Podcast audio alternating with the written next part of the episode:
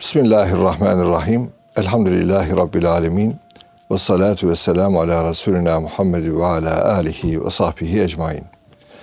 Erkam Radyomuzun ve Erkam TV'nin değerli dinleyicileri, izleyicileri, İslam ve Hayat programına bugün Ebul Hasan Ennedvi rahmetullahi aleyh hazretlerini konuşarak başlamış olacağız. Daha doğrusu bu muhterem hocamız, alimimiz, arifimiz hakkında ikinci programı yapıyoruz. Ee, doğrusu bir alim niye konuşulur? Bir arif niye konuşulur? E, neden böylesi insanlar vefat ettikten sonra da anılmaya devam ederler? Ya da gelecek nesiller onları unutmazlar. Niçin? E, bunlar önemli. E, doğrusu Ebul Hasan Ennedvi de 1914-1999 yılları arasında yaşamış bir yıldız insan. Nice kimseler Allah'ın izniyle onun o ışık veren ilmiyle, irfanıyla, haliyle ışık veren e, yolculuğunda beraber olmuşlar. izinden yürümüşler. İşte çok muhterem hocamız Nurettin Yıldız hocamızla e, bu zatı konuşuyoruz.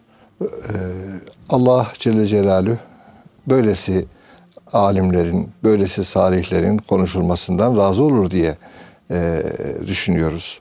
Hocam evet bir alim, bir arif niye konuşulmalı ya da niye konuşuruz biz? Ya da ne bekliyoruz? Ne bekliyoruz? Evet. Bismillahirrahmanirrahim. Dinimizin, İslamiyetimizin bir ulaşma ve kalma mantığı var. Yani insana ulaşmasında ve insanda baki kalmasında son nefesine kadar. Dolayısıyla bütün insanların Müslüman toplum olduklarında Müslümanca kalmalarında bir mantık var. O mantık şudur.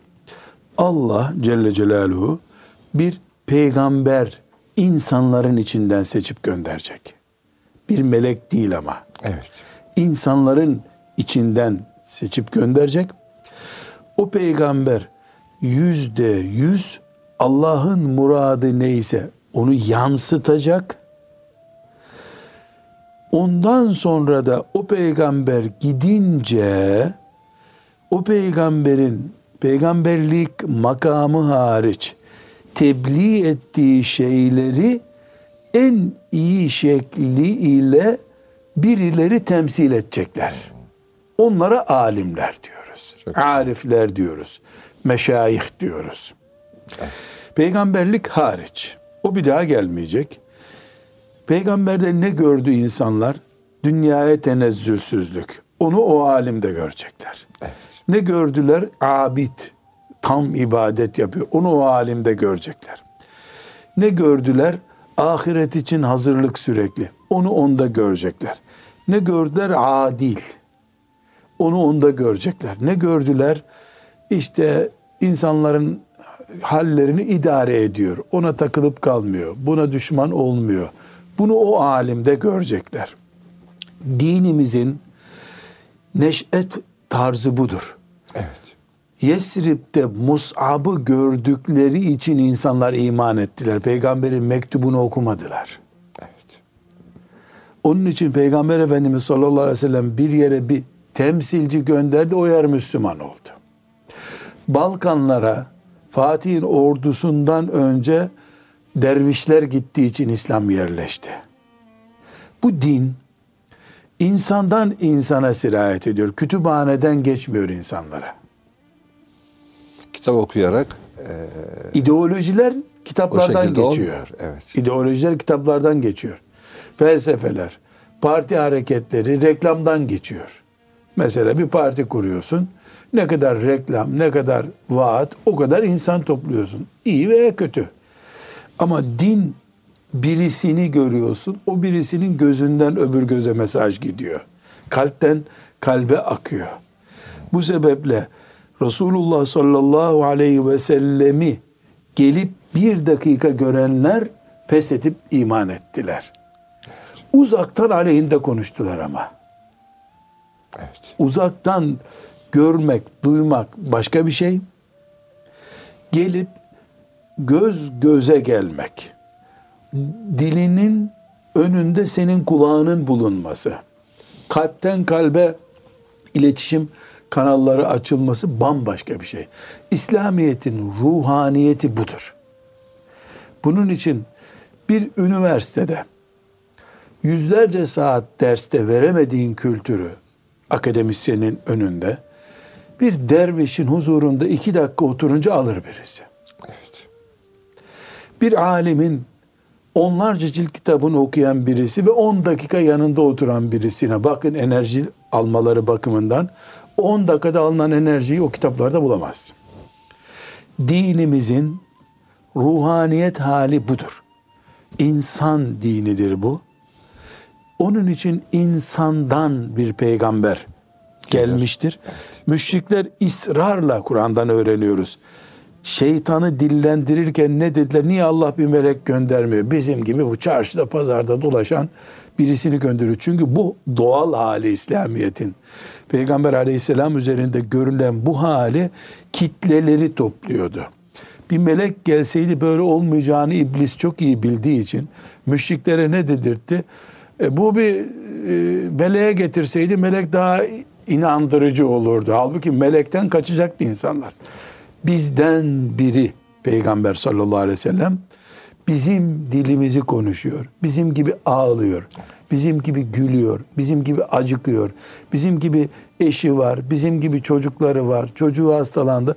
Bizim hayatımızı yaşadığı için ama bize gökleri temsil eden bir misyon da getirdiği için peşinden İzâ câe nasrullahi vel feth ve ra'eyten nâse yedhulûne fî dînillâhi efvâca. Kitleler bunun için peşinden gitti. Gönderdiği mektubun peşinden gelmediler. Bu sebeple ulema bu haleti ruhiyeyi temsil eden ve İslamiyet'in canlılığının simgeleridirler. Belki hocam hani alimler e, peygamberlerin varisleridir derken de tam bu kastediliyor. Bu kastı. Peygamberin misyonunun varisidirler. Evet. Yani peygamberin yapmak istediği şeyin varisidirler. Yoksa peygamberin malı yok. Hani Ebu Hureyre radıyallahu anh diyor ya para pul bırakmadı diyor. Bıraktığı ilimdir gidin alın diyor. O zaman şunu ifade edebilir miyiz üstadım? Yani bir alim peygamberin bu hal mirasını, misyon mirasını, ilim mirasını Alıyorsa- ne kadar üzerinde taşıyorsa alimdir. Ne kadar ayna ise o kadar kıymeti var. Kadar. Nedvi onun için kıymetli işte. Gittik biz ne gördük? Dilenci odası gibi bir odada gördük onu. Ama bakanların önünde oturup diz çöktükleri bir adam meğer. Tıpkı Efendimiz sallallahu aleyhi ve sellemin gördüğü gibi ashab-ı kiramın. Tabi azamet farkını hiçbir zaman kaldıramayız. Yani Elbette. Resulullah sallallahu aleyhi ve sellem güneşti. Bu belki küçücük bir gezegen. Ama her halükarda misyon aynı misyon. Burada üstadım çok iyi anlaşılması için e, bir ayrıntıya gireceğim. Bu nedenle, bu bahsettiğim sebeple nasıl şeytanın yaveri durumundaki Yahudiler, müşrikler Resulullah sallallahu aleyhi ve sellem'i zehirleyip kökten bu işi bitirmeyi denediler defalarca. Yani defalarca suikast atlattı aleyhissalatü vesselam Efendimiz. Bu Peygamber aleyhisselamın bu güzel yanını güneş gibi, ayna gibi öbür tarafa yansıtacak olan alimler bütün devrimbazların ve hilebazların hedefi olmuşlardır. Bir Aslında yerde onlar Hazreti Peygamberlerin çilelerinin de varisleri olmuşlar dolaylı. neyi dolaylı var? olarak. Peygamberlik hariç dedik mi gerisi onu hep Evet. o. Yani nübüvvet hariç. O tekrarı yok, taklidi yok.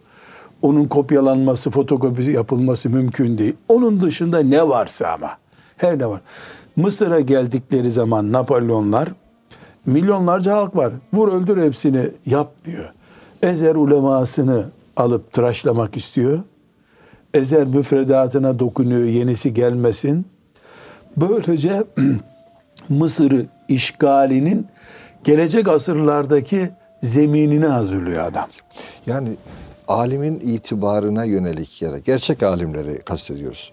Alimin itibarını sıfırlama ya da şahsiyetini rencide etme, toplum içinde rezil etme çabaları aslında bir e, asırlar boyunca, tarih boyunca Napolyon kafası bu. gelmiş bir şey. Napolyon'da da vardı. E neden Abbasiler bir e, uygarlık yıktılar değil mi? Emevi uygarlığını yıktılar. Yüz yıllık bir uygarlığı yıktılar. Getirdiler. Yeni bir uygarlık kurdular. Müsbet menfiliklerini konuşmuyoruz. Tarih dersi değil bizim dersimiz. Ama ortada bir gerçek var. Abbasiler bir medeniyet kurdular. On, önceki medeniyeti de imha ettiler. Bunu da ciddi bir şekilde yaptılar ama. Buna rağmen ellerindeki güce, kurdukları büyük bir imparatorluk çapındaki bir devlete rağmen Ebu Hanife'nin nesine muhtaç oldular da onu kırbaçlamayı hissettiler? Aynı Abbasiler Ebu Hanife'den 100 sene sonra veya ona yakın bir zaman sonra neden tuttular e, Ahmet bin Hanbel olmazsa imparatorluk gidiyor gibi düşündüler? Neden? Ya askerin var, orduların bir uçtan öbür uca dolaşıyor dünyayı. Yani kimse senin devletine itiraz edecek durumda değil. Bırak Ebu Hanife'yi namaz kılsın bir yerde. Ama çok iyi anladılar ki bu ümmet La ilahe illallah Muhammedur Resulullah diye bayrak kaldırmış bu ümmet aliminin olduğu yerdedir. Evet. Evet ihtilal yaparsın. Gelirsin üç gün beş gün ezersin geçersin. Nerede hoca efendi nerede filan Allah dostu diye başladı mı aramaya insanlar senin ihtilalin gider. Evet. Bunu çok iyi bildiler. Daha doğrusu bu konuda bitmez tükenmez tecrübesi olan iblis iyi akıl verdi onlara. Ebu Hanife'yi dizginlemeden siz bu işi yapamazsınız. Ebu Hanife'ye de ne teklif ettiler? Sus yoksa kafanı kırarız demediler. Lütfen bize gelip e, en üst makamda bir maaş alır mısın dediler. Evet. Niye kabul etmedi? Çünkü onun iman ettiği peygamberi de tamam Mekke senin olsun, krallık senin olsun, rahat bırak bizi teklifini kabul etmemişti. Elbette çapları farklı tekliflerin. Biri küfür teklifi, biri de müminlerden ama sorunlu bir teklif. Ebu Hanife o dik duruş, o insana tenezzül etmez. O parayı eliyle bile değil ayağıyla iter, sol ayağıyla iter olan anlayışı Ebu Hanife'nin o temsilcisi olduğu Resulullah sallallahu aleyhi ve sellem'den geliyor. O ruhu oradan aldığı için böyle. Ahmet bin Hanbel de öyle. İmam Şafii de Yemen'den onun için çıkmış Bağdat'a gelmiş. İm- İmam Malik rahmetullahi aleyh bu imam nasıl oluyor insanlar? Yani bir fetva uğruna kırbaçlanmış imamdan konuşuyoruz biz. Onu kırbaçlayan da neticede Bizans imparatoru değil. Cuma namazına gidince adına hutbe okunan, sabaha kadar belki Kur'an okuyan, geçen senede filan e, kafir diyarında cihattan gelen bir halife. Niye kırbaçlıyor ama? Sen hilafet sarayını rencide edebilecek ve daha başka türlü de söylenecek bir fetvada niye üst kaliteden fetva veriyorsun? İmam Malik'in Medine'de, Medine'de hem de kırbaçlanıyor. Ve bir nokta daha üstadım. Musa aleyhisselam, İsa aleyhisselam ve diğer enbiya-i kiram Allah'ın muradı böyle tecelli etti ayrı bir mesele ama onlar vefat edince bir Ebu Bekir bulsalardı milim taviz vermez. Bir Ömer bulsalardı neredeyse peygamberden daha sert. Evet. Bir Ali bulsalardı arşta eli varmış gibi dolaşıyor e, Küfe sokaklarında. Bir Ebu Hanife bulsalardı. Bir Resulullah deyince gözlerinden yaş boşalan İmam Malik bulsalardı. Arkalarından 10 sene sonra başka bir peygamber gelmezdi. Evet. E demek ki e, belki Efendimiz Aleyhisselatü Vesselam'ın hani hocam kıyamete kadar son peygamber oluşunda Muhteşem mi? bu işte hocam. Evet son peygamber oluşunda Ebu bu Bekir'den başlayan, Ebu başlayan- Bekir ki alimlerin alimi yani. Ebu Evet. Bekir'i bir alim kelimesiyle bile bitirmek mümkün değil. Hani israf olmuş Evet, olur. Onun için sıddık diyoruz, bitiriyoruz bir şey. Yani e, o Ebu Bekir'le başlayan radıyallahu anhu varda ve onun halkasına takılmayı şeref bilip dünyaya tenezzül etmeden kıyamete kadar bu davayı dava ruhuyla taşıyacak ulema ulema olmayıp meşayih bu meşayih olmayıp duat Allah'a davet edenler onlar da büyük yer taşıyorlar. Yani Mesela Yunus Emre alim, fazıl biri değil. Ama dahi biri. Allah'a davet etmiş.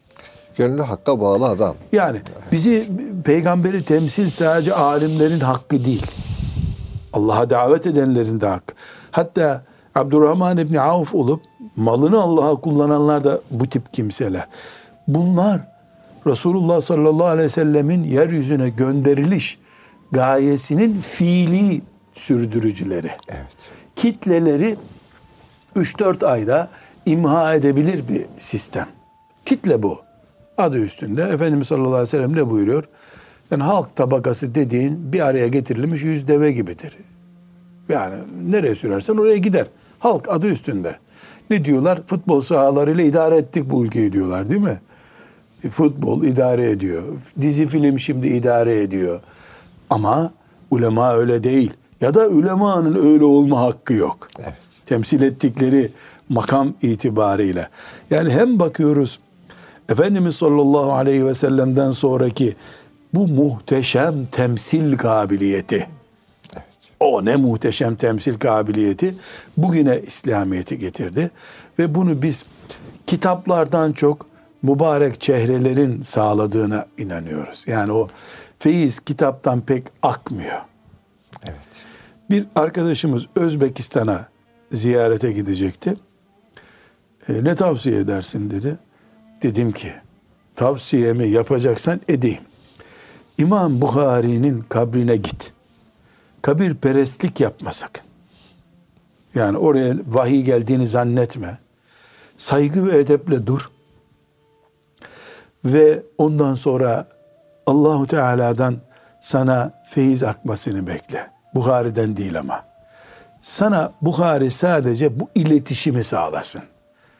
Belki de melekler onun cesedini alıp yüz defa götürmüşlerdir başka. Kim bilir orada bile değildir o. Ama sen asırlar sonra o heyecanın peşinden git. Diğer meşayihin peşinden git. Maturidi'nin kabrine git. Kabir perestlik yapma. Evet. Dinini kaybeder gelirsin. Ama düşün Medine'den kaç bin kilometre ötede Medine enerjisi nasıl taşımış o adam. Ya. Bunu hayal et. İbret al. İşte peygamberin mirasını temsil eden alimin misyonu da bu. Doğru. Hakikaten hocam yani sadece kendi zamanına ve kendi bölgesine değil değil mi İmam Buhari? Hala onun e, o Medine'den aldığı o hadis enerjisi Efendimiz Aleyhisselatü Vesselam'ın mesajlarının enerjisi hala Medine'den aldı Taif'te değil ama hocam. Hala yayın Yani yapıyor. Evet. kuş, at- kuş bakışı 100 kilometre ötede değil, Değil adamcağız. Yani dünyanın öbür ucunda. Öbür ucunda o enerjiyi temsil ediyorsun sen. Bu neyi gösteriyor? Allah peygamber seçip gönderdiği gibi varislerini de seçip gönderiyor. Diploma almakla olmuyor bu iş. Bitti. Evet, evet. Diploma almakla olmuyor. Anonim bir yetişme tarzı değil bu. Yani bir fakülte açıyorsun.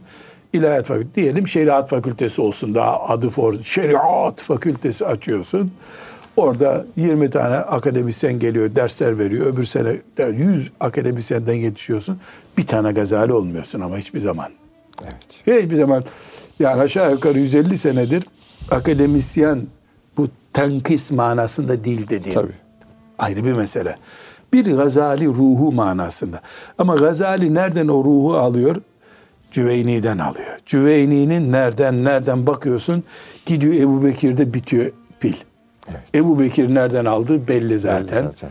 Ali nereden aldığı, İbni Mesud'un nereden aldığı belli. Yani Bukhari değil esasen bizim gördüğümüz ışık. Buhari bir ayna yansıtıyor.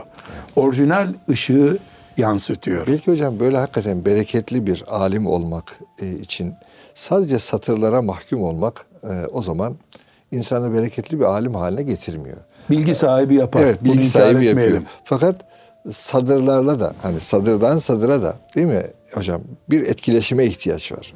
Kesinlikle aksi takdirde yani bol bol bilgisi olan Evet. hatta istediği zaman istediği kitabı yazabilecek bilgisi olan ama gönüllere akmayan insan olunur. Evet, evet.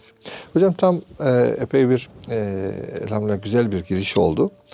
Ebu Hasan en-Nedvi asırlar sonrasında e, bu mirasın, o bu peygamber mirasının e, nasıl bir taşıyıcısı oldu kendi öz şahsında? Yani bunu şöyle maddeler halinde e, dinleyicilerimizle paylaşsak. Paylaşalım. Evet. E, Şimdi bir kere söyleriz? Ebu Hasan en-Nedvi rahmetullahi aleyh şeriat ilimlerini bir zincirle alıyor. Yani bir kökleri belli diyelim buna. Sıhhatli alimler devam Alimlerde. Evet, yani sayı. En-Nedvi'nin hocasının, hocasının, hocasının, hocasının, hocası, hocası, hocası aşağı doğru inip Bukhari'ye, Bukhari'den e, şuna şuna derken vahiy ile oturduğu, yani ta göklerden Cebrail Aleyhisselam'ın getirdiği vahiy ile onun oturduğu masa arasında bağlantı belli. Kitlesel böyle bir selden kalmış bir enkazı toplamıyor. Evet. İletişim kablosu belli. Belli. Dolayısıyla bir iştihat yaptığı zaman şu şöyle olmalı dediği zaman beyefendi etkilendi oldu haberlerden etkilendi oldu diyemiyorsun. Bu bir yerden geliyor bu ruh bunda diyorsun. Bu işte İmam Malik'ten geliyor. İmam Şafii'den geliyor. Geldiği yerin e, özü belli ama ne Adresi- yapmış? adresi belli, evet. Yaşadığı Hindistan şartlarına uyarlamış onu. Evet. Yani baskıdan etkilendiği iddia edilmiyor. Dolayısıyla bizim Nedvi'de rahmetullahi aleyh şu bahsettiğimiz Peygamber sallallahu aleyhi ve sellemin haleti ruhiyesini ve misyonunu bize taşıma hali evvela meşrep gücünden geliyor. Ciddi bir meşrep gücü var. Nedir bu? Nereden geldiğine dair itimadımız var. Evet. Belki onun dördüncü, beşinci dedesini bulmamız zor ama ilminin dedesini buluyoruz.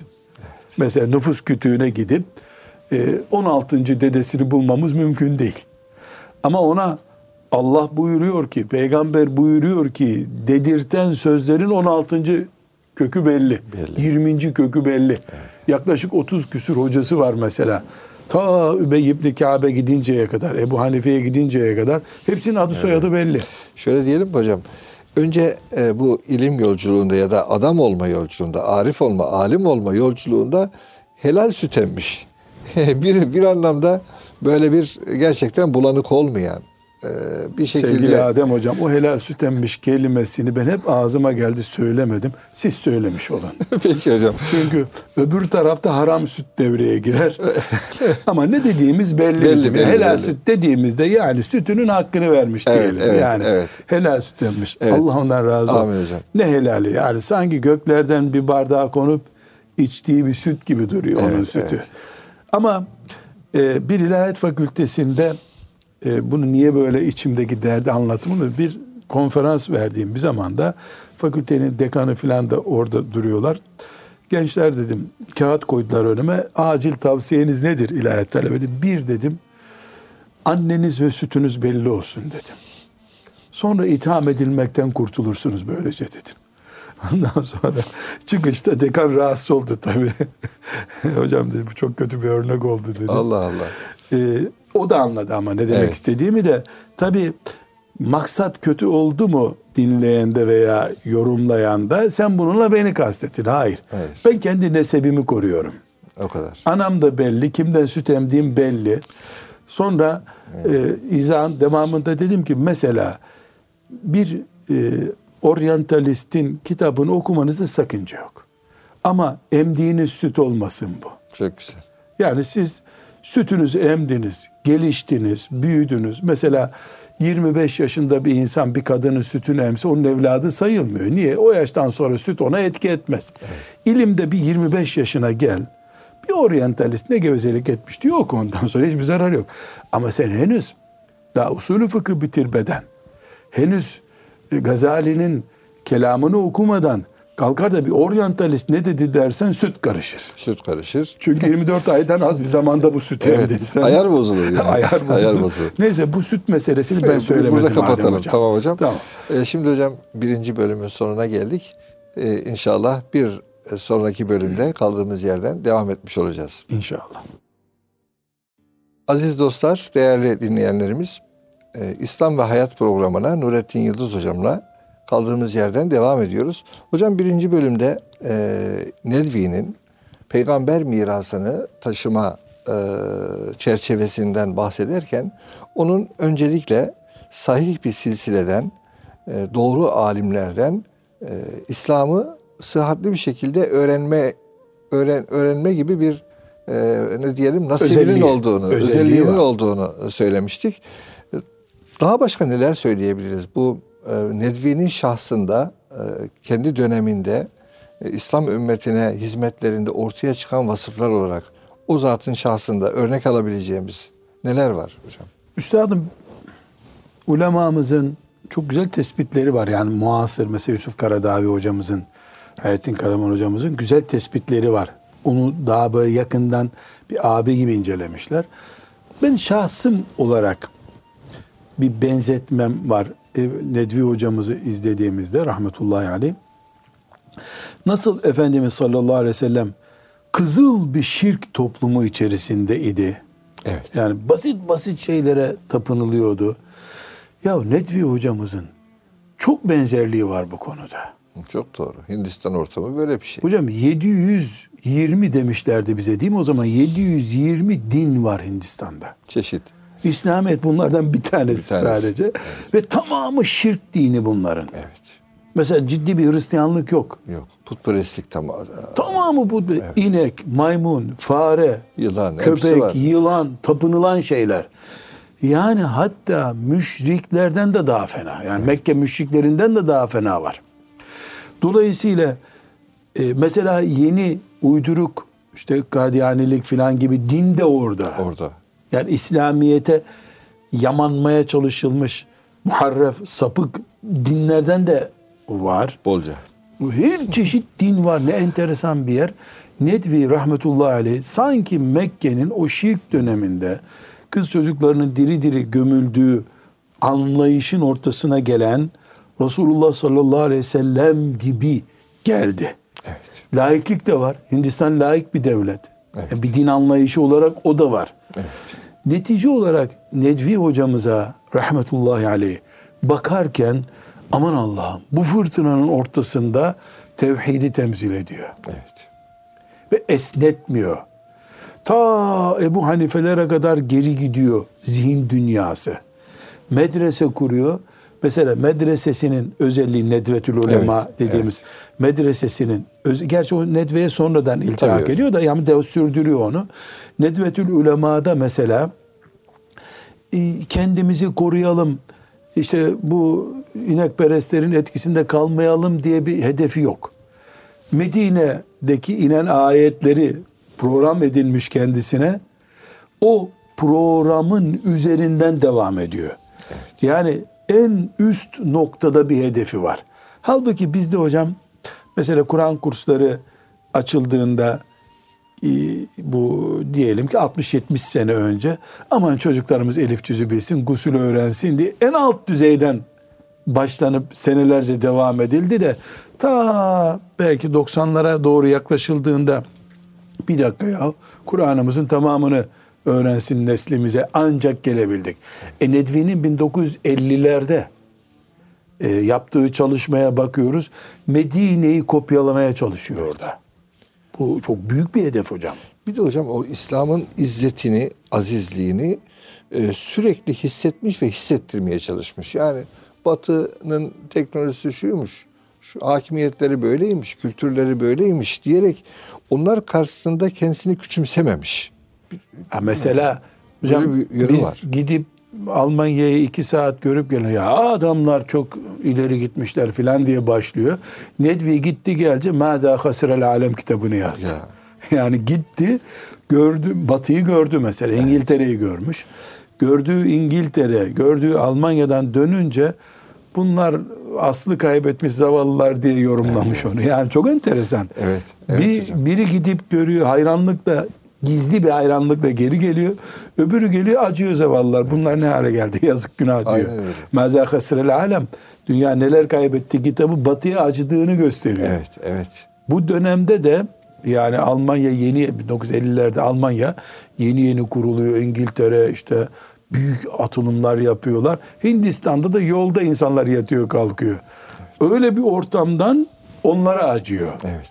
Bu kafasının o Medine'den bu tarafa hiç gelmediğini, Evet. Resulullah sallallahu aleyhi ve sellemle olan beraberliğinin coğrafya ile ilgili olmadığını, asırlarla ilgili olmadığını gösteren büyük bakışı. Evet. Rahmetullahi aleyh. Bu çok önemli.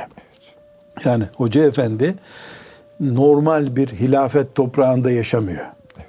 Müslümanların ezanlarının gür okunduğu bir ülkede değil. Garip bir ülkede. Yüzlerce sapık dinin, şirkin, maymuna tapınılan bir ülkenin içinde yaşıyor Hoca Efendi. Evet. O zifiri karanlıkta ama değil mi hocam? Şirk anlamında e, bir zulümat yani Kur'an'ın ifadesiyle. Fakat o yıldız duruşunu e, bozmuyor maşallah. Alim bu işte hocam. Evet. Efendimiz bozulmuş muydu sallallahu aleyhi ve sellem Mekke'deki şirkte? Etkilenmiş miydi? Biraz onlar biraz biz idare edelim, ortayı bulalım demiş miydi? Hayır. Hayır. İşte gerçek bir alim de bir tür hatta daha fena, Mekke'den daha fena bir vahşet yaşayan e, o yaşadığı ülkenin şartlarından etkilenmiyor. Bırak etkilenmeyi üstüne çıkıyor. Üstüne çıkıyor. Yani şu çok önemli hocam. Nedvi rahmetullahi aleyh ve hala talebelerinde de o ruh var. Burada canımızı ve imanımızı koruyalım, namusumuzu koruyalım mantığında değiller. Dünyayı değiştirmenin, dönüştürmenin e, planlamalarını yapıyorlar. Yani Bir yönüyle. düşünebiliyor musunuz? O şartlardan geliyor, gidip Mekke'de konferans veriyor. Evet. Gelip Türkiye'de İslam Enstitüsü talebelerine konferans veriyor. Ve ışık oluyor. Ufuk açıyor. Korkmayın diyor. Haydi yeniden diyor. Haydi yeniden sözü ona ait mesela. Haydi yeniden İslam. Yeniden işte. Yeniden bir canlılık yani kafa böyle küllerin altından ısı vermeye çalışan bir koz gibi değil. Lav lav böyle ışıkları çıkıyor. Enerji dolu. Yani bir fırın gibi hareketli kafası rahmetullahi aleyh. Bu çok önemli. Evet. Bu en önemli nokta belki. Ve bu kişi Arap biri değil. Evet. Arap biri değil. Ben bunu çok önemsemek istiyorum hocam. Çünkü Arap olsa yakışıyor da biraz hani. Mesela diyelim ki Hasan el-Benna zaten Kur'an lisanını bilen o lisanın çocuğu zaten. Evet. Dolayısıyla ya beklenir yani bu yetişmesi ama sonradan Arapça öğrenmiş birisi. Evet. E, Bunun dedesi Arapça konuşmuyordu. Babası Arapça konuşmuyordu. E belki alim olduğu için konuşuyordu ama yani o köy Arapça konuşmayan bir köydü. Evet, evet. Fakat bu Araplara kitap yazmış. Araplara konferans vermiş. Alimlerine hem de. Alimlerine konferans vermiş. Bu neyi gösteriyor? Nasıl Bukhari rahmetullahi aleyh Arap olmadığı halde Arap'ın ve Acem'in sultanı bir alim oldu. İmam Maturidi Arap olmadığı halde Arap'ın ve Acem'in e, dinine hizmet alim etti. Aynı şekilde Müslim, aynı şekilde Tirmizi, aynı şekilde Nesai. Bu bu asırda da gördük ki bu din insanlığın dini, Arap'ın dini değil. Evet. Ve Arap olsun veya olmasın birisi çıkıp bu dine en büyük hizmetleri yapabilir. Yapabilir. Bu Var. Nedvi'nin ispat ettiği bir şey oldu. Şimdi biz de mesela şöyle böyle güya Arapça biliyoruz. Ama hadi bir Arap topluluğunda anlat derdimi diye bu şekilde muhabbet edelim desek o muhabbet bile yani buyursun hoca efendi konuşsun daha iyi olur dedirtiyor bize. Neden? Yani biz çok iyi Arapça biliyor olsak bile bize göre bu Arapça yani yabancı Arapçası Nedvi'de onu görmüyoruz. Çünkü lisan problemini içindeki hareketlilikle alt kaldırmış o. Hocam demek ki bir de şöyle üstadım tebliğ elbette sözle de oluyor. O zaman tebliğ insanının, davet insanının diline ehemmiyet vermesi de önemli bir şey o zaman. Şüphesiz. Evet. Kur'an'ın diline vakıf olmazsan Kur'an'a hizmetin e, yanlarda kalır. Eksik kalır. Yani evet. anlarken tam anlayamazsın. Derdini senin gibilere anlatırsın bu sefer. Yani Bukhari rahmetullah hatta Ebu Hanife, Ebu Hanife de Arap değil. Yani bu büyük zevat Allah'ın rahmeti üzerlerinde olsun. Bunlar sadece Müslüman olup cennete girecek iş yapmadılar. İçlerinde Ebu Bekirlerin bulunduğu bir halkaya katıldılar. İbni Mesud'un halkasına katıldılar. Hadi İmam Şafii Kureyş'ti.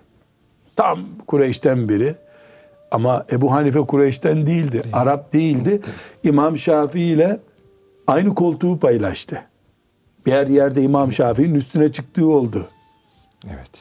Evet İmam Malik de Medine çocuğu. Ama Ebu Hanife Medine çocuğu değil. Ama anlattıkları şeyler, yaptıkları hizmetler sanki Medine çocuğu gibi, Kureyş'tenmiş gibi oldu.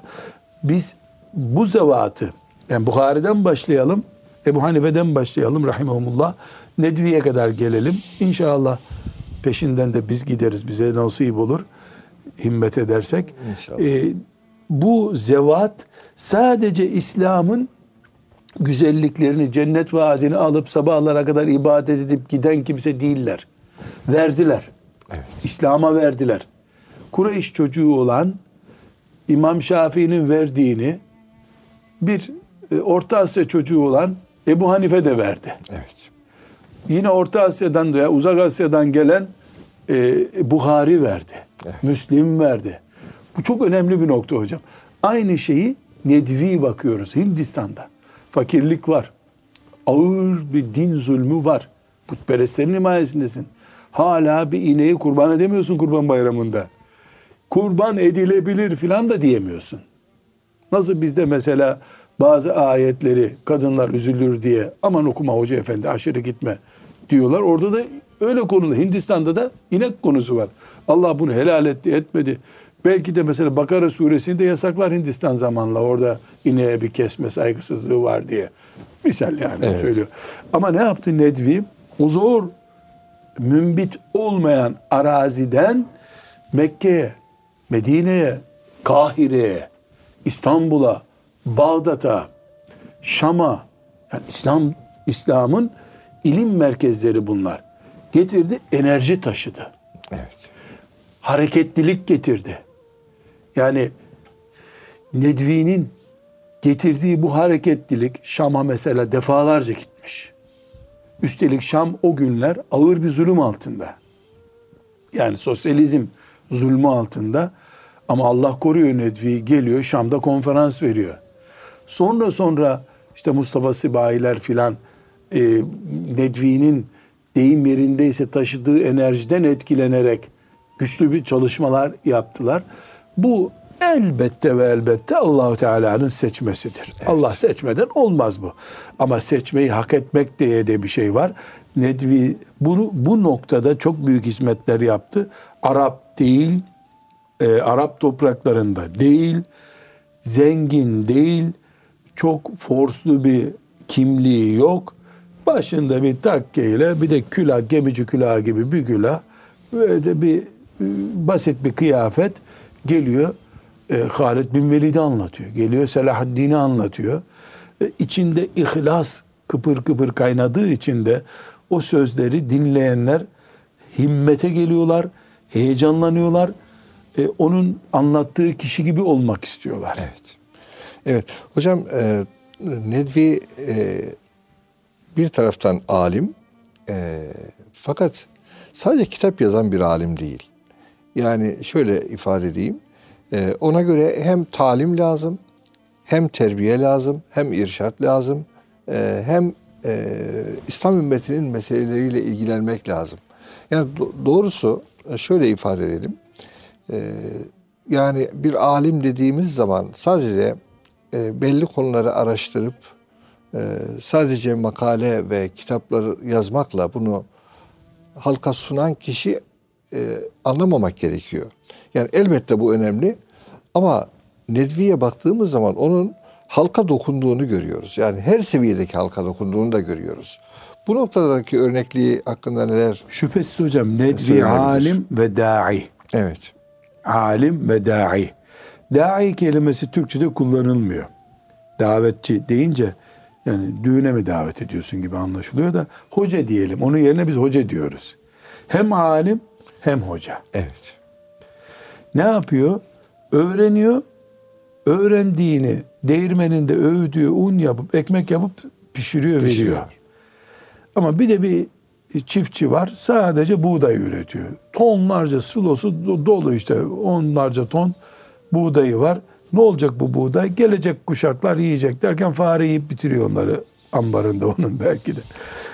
Yani alimlerimizi tankis manasında Tabii, değil. tabii. Hocam bu arada siz de çok seversiniz. Kitaplarını da yayınlıyorsunuz. Geçenlerde bir büyüğümüzle Yaşar Kandemir Hoca'yı ziyarete gittik. Yaşar Hoca yeni bir kitabını daha çıkardı. Bu e, işte peygamber düşmanları ne yapmak istiyor diye. Yine Evet. sizler yayınlamışsınız. E, dedi ki ya orada bir cümle söyledi. Ya dedi ben dedi e, halkın anlayacağı şekilde dedi konuşmayı, yazmayı önemli görüyorum dedi. Çünkü dedi evet akademik anlamda da bir takım dedi çalışmalar elbette lüzumlu ama bu halkı kim dedi irşad edecek, eğitecek böyle e, sadece dedi e, ilim için ilim gibi e, çalışacak olursak demişti de doğrusu hocada da mesela Yaşar hocamda da e, Nedvi'deki bu e, güzelliği sezdim orada. Yani hoca hak- hakikaten sadece e, masa başında bir insan e, olmayı değil işte halkın içine karışmayı da önemli görüyor. Bir dönem hocam şöyle bir şey olmuştu. Bizim e, hocalarımızdan bir tanesine bir, bir hocası demiş ki bakıyorum demiş vaaz ediyorsun demiş. E, belki güzel de konuşuyorsun. Ama demiş senin vaaz edersen akademik üslubu bozulur demiş. Sana tavsiyem vaaz etme demiş. Şimdi böyle bir kaygı nasıl bir kaygıdır sizce hocam yani? Gerçekten Ama hocam buna ben katılıyorum. Doğru söylemiş. Eğer ben akademisyenliği, çoluk çocuğumu geçindirecek helal bir maaş almak için e, sürdürdüğüm bir meslek olarak görüyorsam doğru söylüyor hocam. Kesinlikle e, öyle yapması lazım. Yani eğer gaye helal maaş elde etmekse akademisyen de durduğu yerden kalkmamalı. Ama gaye Allah'ın dinini nesillere taşımak yani aktif bir ilim sahibi olmak ise o söz çok batıl bir söz.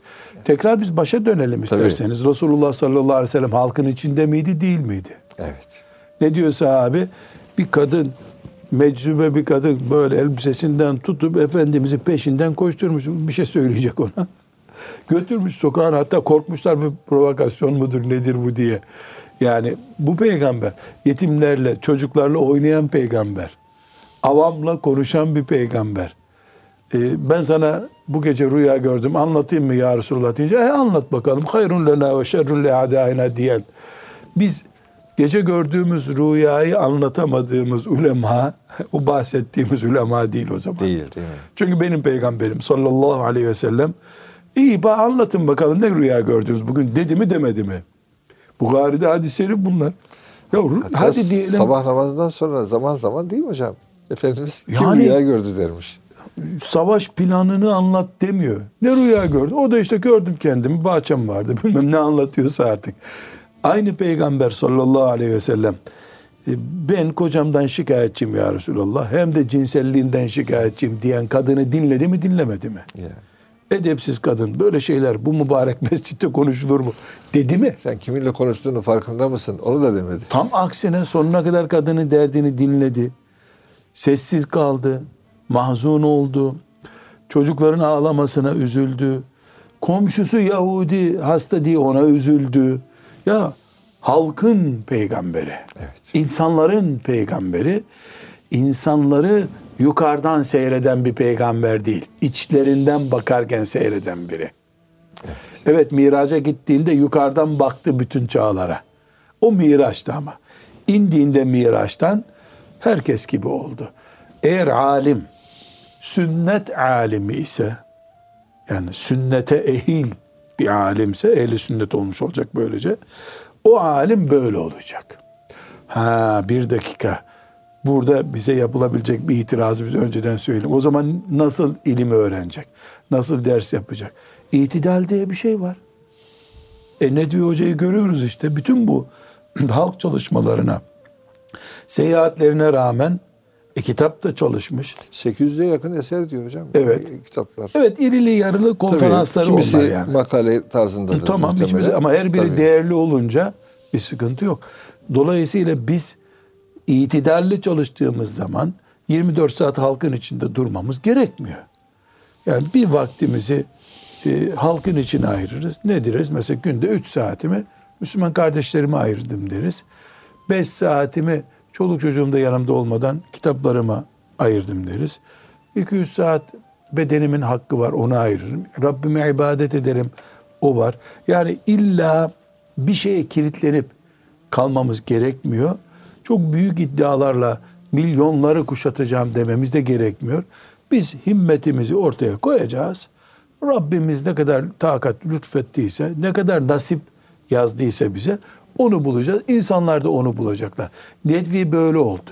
Zannediyorum hocam Nedvi ve onun gibi olan Allah'ın dostları hiçbir zaman oturup ne kadar e, benim izleyicim olur, ne yaparsam daha dikkat çeker bir kere düşündüklerini zannetmiyorum.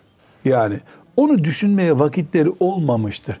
Çünkü o insanlardan bir şey beklemiyor zaten. Beklediği Allah'tan Celle Celaluhu Allah da kalplere sevgisini yerleştirmiş. Evet. Yani benim tıklayanım ne kadar, izleyenim ne kadar diye Gerçi onların döneminde zaten böyle şeyler yoktu. Olsaydı da benim YouTube kanalında izleyenim kaç kişi diye zihninden geçme, geçmiş değildir. Geçse bu bereketi göremezdi. İhlasa mani değil mi hocam? Yani kaliteyi e, göremez ama sayıyı görürdü. İşte benim izleyenim 3 milyon diye mutlu olurdu. Ama hiçbir zaman kalplerin onu izleyeceği noktaya da olamazdı. Evet. Şakşakçısı olurdu. Doğru söylüyorsun diyeni olurdu. Yağcısı olurdu. Evet. Hocam e, yine süremizin e, sonuna geldik. E, fakat Nedvi e, üzerinde e, zat halinizin epey maddeleri var. O maddeleri inşallah e, tek tek işleyeceğiz. Bugün bir bütünlük bozulmasın diye gönlümüz arzu etti. Hepsini sıralayalım dedik ama vakit buna e, müsait e, olmadı. İnşallah bir sonraki programda e, Nedvi'nin şahsiyetini e, daha böyle maddeler halinde sizlerle paylaşmış olacağız aziz dostlar. Hocam çok teşekkür ediyoruz. E, dinleyicilerimize de hayırlı, bereketli günler diliyoruz efendim. Allah'a emanet olunuz.